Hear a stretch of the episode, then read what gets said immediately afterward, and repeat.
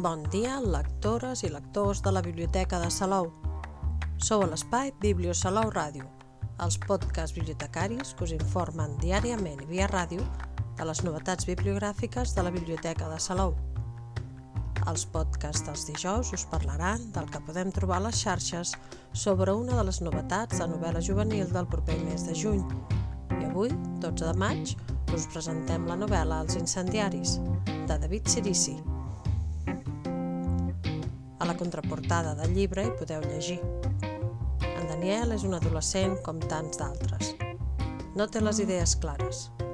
Una nit, amb dos companys d'institut, decideixen portar a terme el que havia de ser només una bretolada, però tot plegat acaba en tragèdia.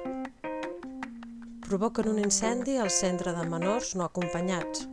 Un dels companys mor entre les flames i l'altre queda greument ferit se salva gràcies a un jove del poble d'origen marroquí, en Munir. En Daniel aconsegueix fugir i queda imbuna, però el sentiment de culpabilitat fa que acabi qüestionant-se moltes de les seves creences. La nit de l'incendi al centre de menors no acompanyats, l'Andreu hi deixa la vida i en Soren queda greument ferit, però ningú no sap que hi havia un tercer jove implicat. En Daniel és a temps de fugir de l'edifici en flames, però la culpa d'aquella bretolada no el deixarà viure en quin moment totes aquestes idees racistes que defensaven els debats de l'institut van començar a transformar-se en accions perilloses? Hauria de confessar la seva culpabilitat? Mereixeria estar tancat amb en Soren al reformatori? Per sort, l'amistat amb en Munir i la Mina li acabarà portant algunes respostes. David Sirici compta amb una extensa i brillant trajectòria literària tant per a infants i joves com per a adults.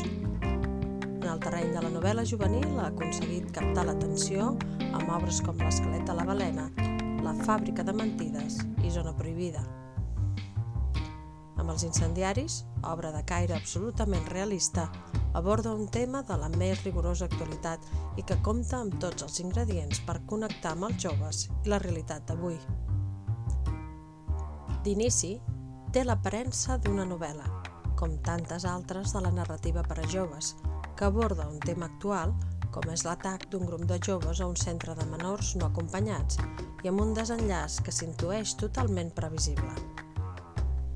A mesura que avança, l'autor té la capacitat de sorprendre's a cada gir de pàgina i especialment de vestir i entrellaçar amb suma precisió un ampli elenc de personatges, tant protagonistes com secundaris. Tots ells evolucionen i estableixen relacions creuades que en un primer moment avancen per camins impensables, cosa que dona una visió global al tema a partir dels diversos punts de vista dels protagonistes.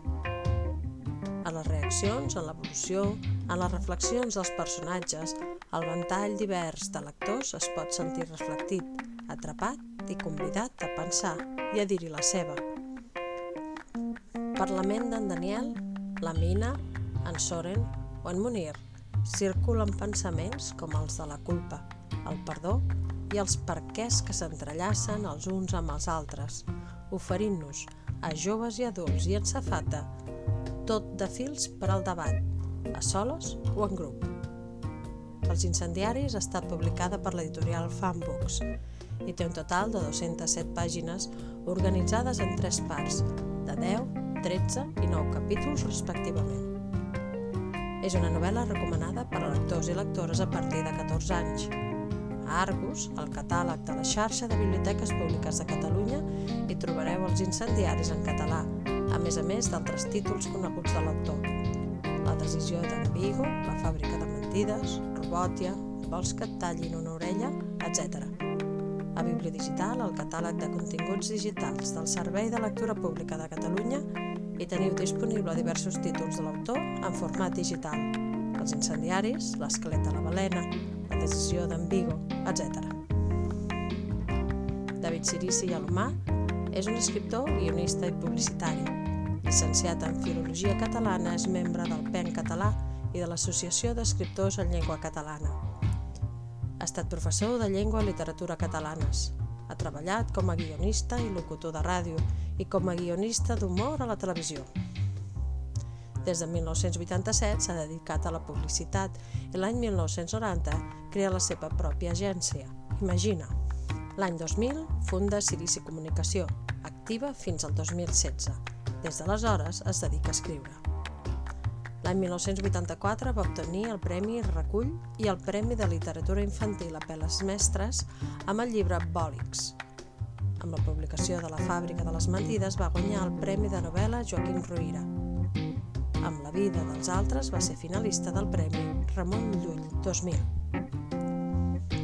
L'hem buscat a les xarxes i David Sirici és present amb un blog davidsirici.blogspot.com on trobem els seus llibres i diversos articles de premsa sobre aquests. També podem seguir-lo a Facebook, arroba David Sirici, a Twitter, arroba David Sirici, i a Instagram, arroba David Sirici Alomar. I fins aquí el podcast d'avui, però tenim més novetats de novel·la juvenil que anirem descobrint cada dijous. Que tingueu molt bon dia i molt bones lectures que us acompanyin en el dia a dia.